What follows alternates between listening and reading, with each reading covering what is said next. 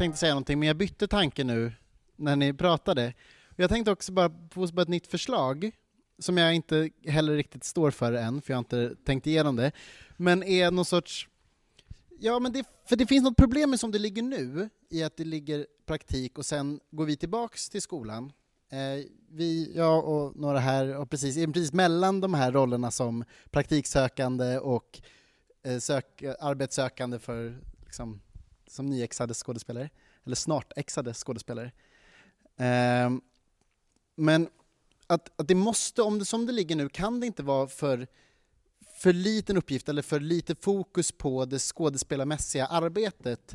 För att hela, hela utbildningen bygger på att vi, okay, vi tar den här kunskapen och sen praktiserar vi den och sen tar vi den kunskapen som, som ska ha att göra med det vi har gjort de första två åren, använder den i ett annat sammanhang, tar tillbaks det, reflekterar över det och använder det på nytt i en slutproduktion. Och om det är någonting helt annat, såklart att det är styrkan är att det inte är skola, styrkan är att det är medarbetarmöten och olika typer, men att om det inte handlar om det skådespelarmässiga arbetet då, det relationella, det svåra, det helt omöjliga, det, så blir det ingen mening med att det ska vara som en, som en bollning, eller som en så här, okej, okay, nu, nu använder vi allt det här skådespelartekniska och praktisera det.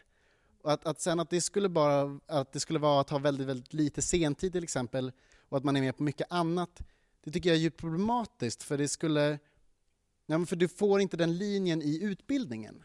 Det blir någonting annat och som jag tycker då man ska ha betalt för. Att det inte det ska vara skolans uppgift. Att det, är en, det är fantastiskt att det finns den typen av projekt med många skådespelare och alla, alla har inte mycket sentid det är inte det jag kritiserar, men det tycker jag ska vara betalt arbete och inte en del av den liksom sorts ut, ja, en skolbåge på något sätt.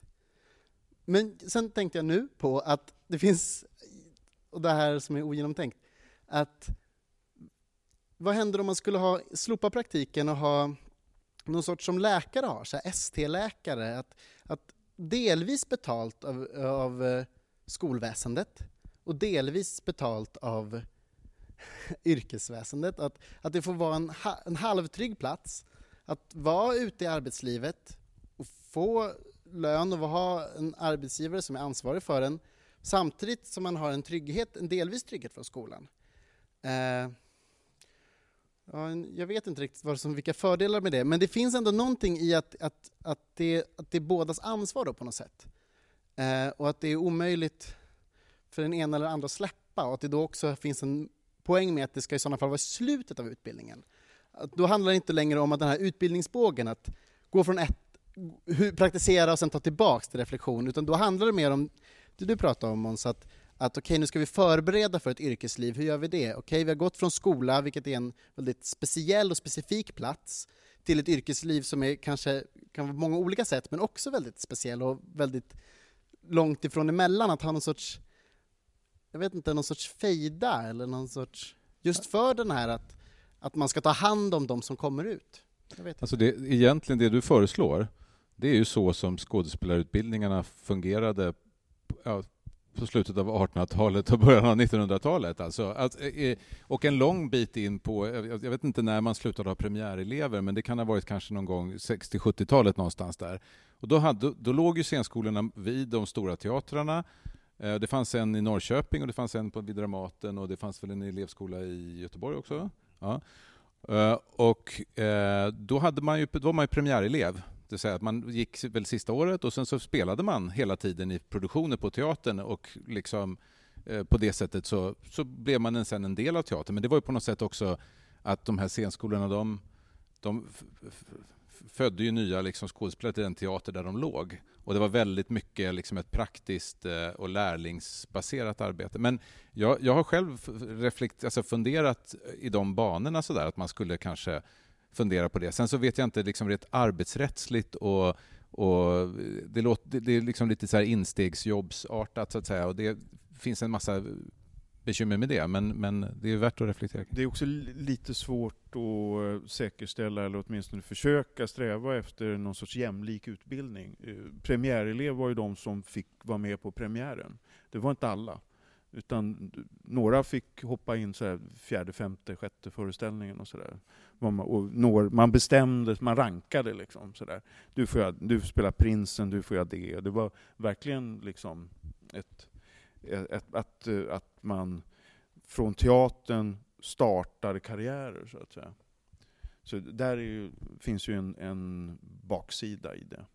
Men länkningen, vi, vi var ju i Bologna, där träffade vi en skola som, var det Rennes? Eller, som hade, eh, där de pröjsar. Eh, skolan går in med, jag tror det var 40 procent av lönen under tre år. Det är jätte, alltså, så här, va? Eh, jättemycket pengar just för att säkerställa det där att man inte ska liksom eh, dö sotdöden när man har gått ut. Jag hade med som en fråga till eh, eh studenterna om ni upplever, för när jag hör dig prata så låter det som att ni har fått en tydlig bild av vad praktiken eh, fyller för liksom, funktion eller pedagogisk funktion i utbildningen. Upplever ni kollektivt att, så här, att ni får, har fått den informationen så att ni delar bild av vad praktiken kan vara eller bör vara för er? Um, det jag menade var nog utifrån att om, om praktiken skulle vara små uppgifter så är det bättre att ha det i slutet och ha det på ett annat sätt. Att då är, om då praktiken är... För jag upplever bara som att flera... Ni pratar ofta som att praktiken ska vara som någon sorts in, vända sig in i, samhäll, liksom i arbetslivet. Och att så här, ja, ja, det här är inte ett förberedande, så här kommer det aldrig vara. Men jag upplever inte att det praktikens roll nu handlar mer om en del av utbildningen, inte en invändning till ett arbetsliv. Och det handlar inte om att bli bortskämd eller att bli, utan det handlar om okej, okay, jag har den här utbildningen, hur ska jag ansvara för den, hur ska, vi hur, hur ska den bli ansvarad för? Men om det nu ska vara som en, som en skjuts till en, för, en förberedelse för ett arbetsliv, då tycker jag att den borde ligga sist. Och då tycker jag den kan ha små uppgifter, eller vad det nu är. Liksom. Men mindre sentid och då tycker jag, utifrån den formen, men utifrån den nuvarande formen som att det är en del av en utbildningslinje, så behöver det vara en hel del sentid. Och jag tycker också det behöver vara en del i teater, så var mitt praktikkontrakt, det var ett halvårskontrakt, det var inget, och då var det, då, då var det inskrivet alla de här ut, utifrån grejerna i själva kontraktet. Var var det, du? På Ungsen Öst. Och, det, ja. det, alltså det, det, finns ju ett avtal där det står att det ska finnas en handledare och det, man ska få en introduktion i det ena och det andra. Sen kan det bli tydligare, bättre och starkare eh, och tillfredsställa fler behov. Eh, Norrbottens teatern och, och scenskolan där, den, den, var ju någon slags sån hybrid, att det var en, en närhet mellan skolan och teatern och de började ju sin praktik där redan i ettan och så. så den, den slags kopplingen finns ju. Så det är synd att du hade en ganska sådär upplevelse av din Nej, praktik. Jag hade en bra upplevelse. Jag gjorde en billig poäng bara. Ja, att vi, okay. men, dröm, men, drömmar möter verklighet. Nej, men det jag skulle uh, vilja prata om lite också, det är utifrån det du säger, att vara nyexad och, och hamna utanför och så här. Uh, I höstas när vi hade två forum för scenkonst, det handlade om audition och det visar sig såklart att operasångare åker på auditions, musikalartister åker på auditions, musikalstudenterna får göra auditions till sina praktikplatser eh, dansare gör auditions och så vidare.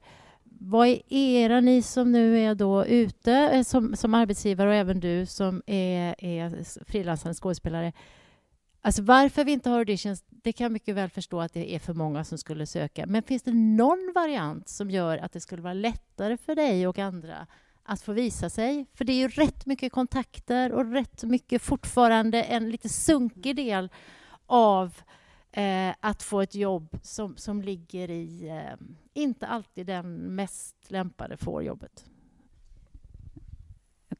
Jag kan snabbt börja som har varit på en del auditions som frilansande skådespelare, även om det inte är så vanligt. Men det är, Arbetsförmedlingen har ju vid några tillfällen eh, dragit ihop samarbeten med någon teater eller, eller sådär.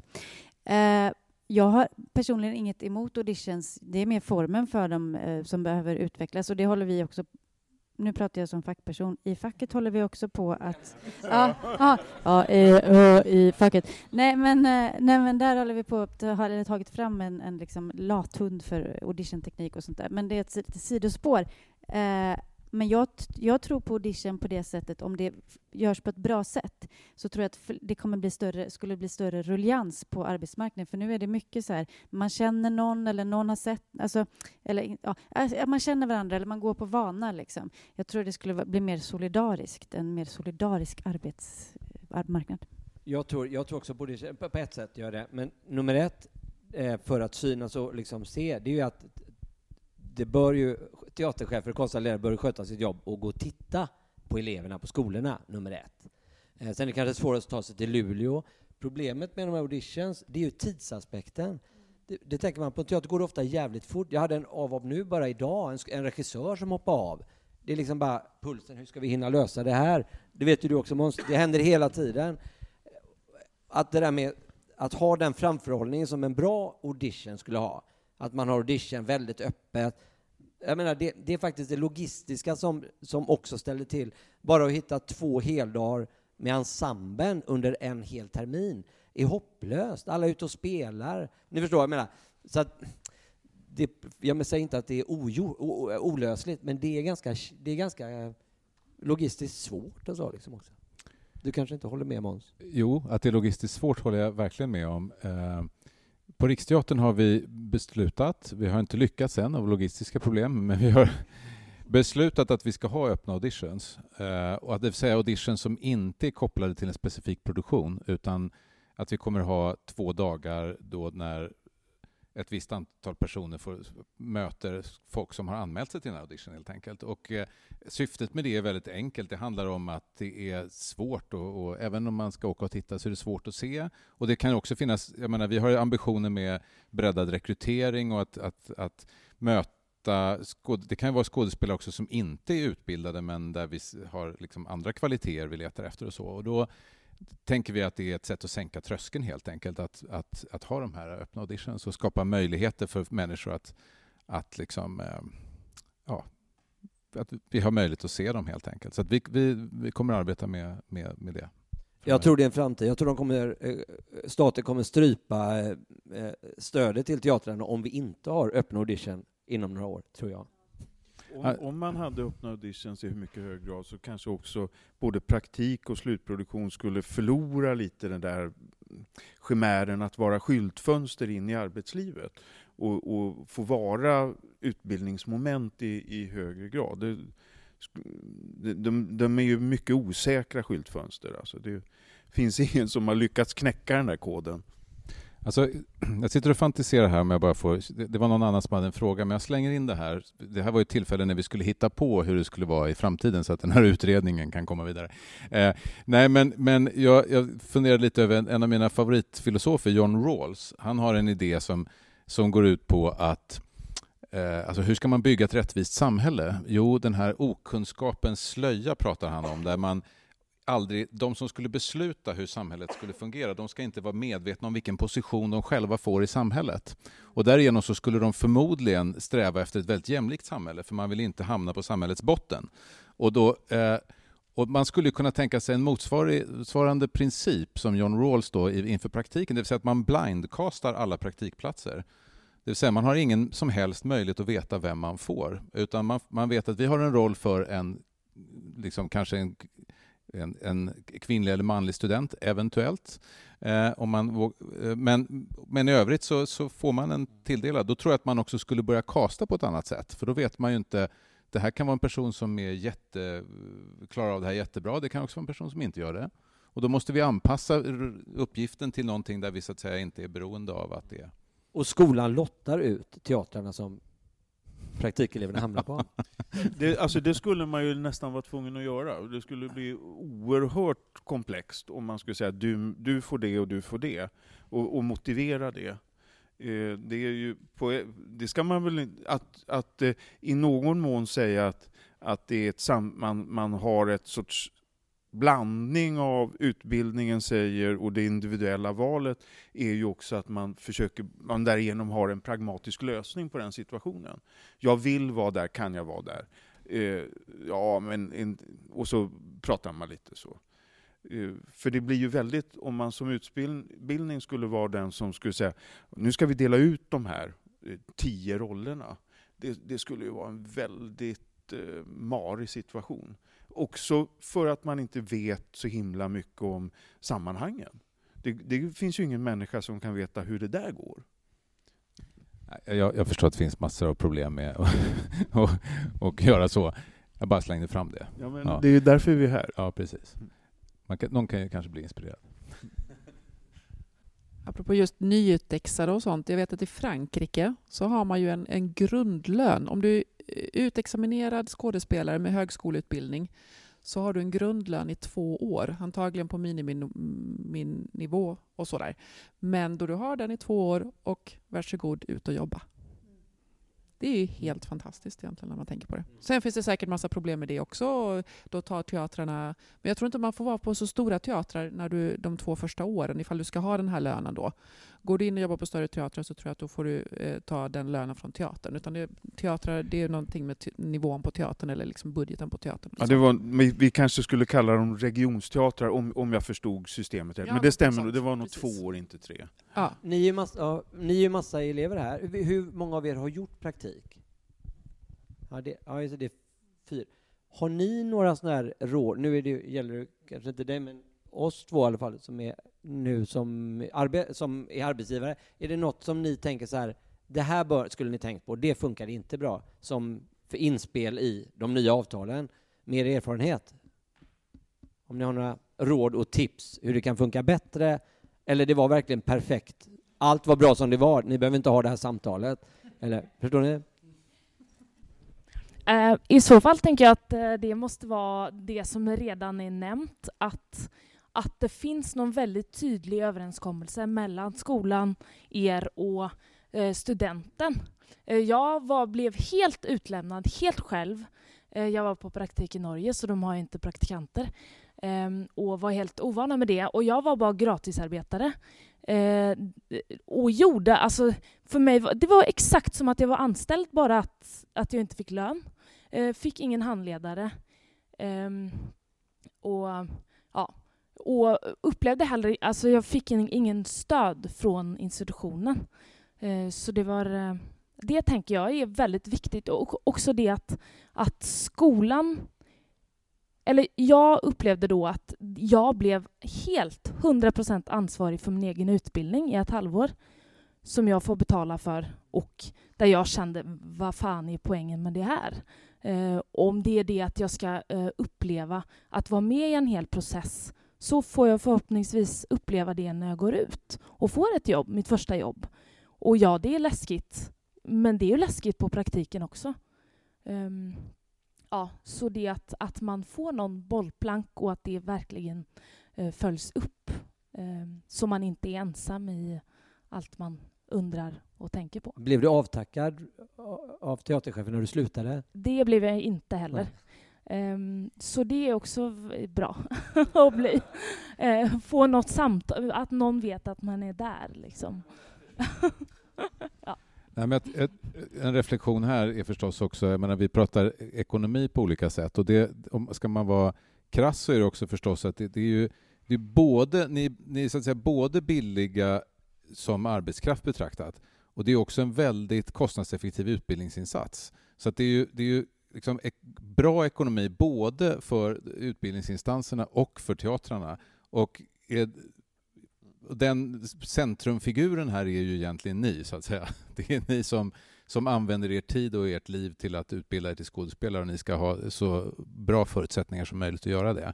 Och där gäller det ju att vi från båda håll, både från skolornas sida och från, som arbetsgivare, minimerar så att säga ekonomiseringen av er som, som individer i det här. Vi måste ju liksom försöka så att säga, bekämpa de här kapitalistiska liksom, eh, eh, aspekterna av praktiken och, och se det så, liksom, purt som en utbildningsinsats och, och hur man liksom gör den bästa möjliga utbildningen. Och det, det är stora utmaningar där. Så är det, helt klart. Det blev, var inte bra i Norge, det håller jag med om Elina. Det gick fel. Eh, och förhoppningsvis med ett, med ett mycket starkare avtal så skulle det inte vara möjligt.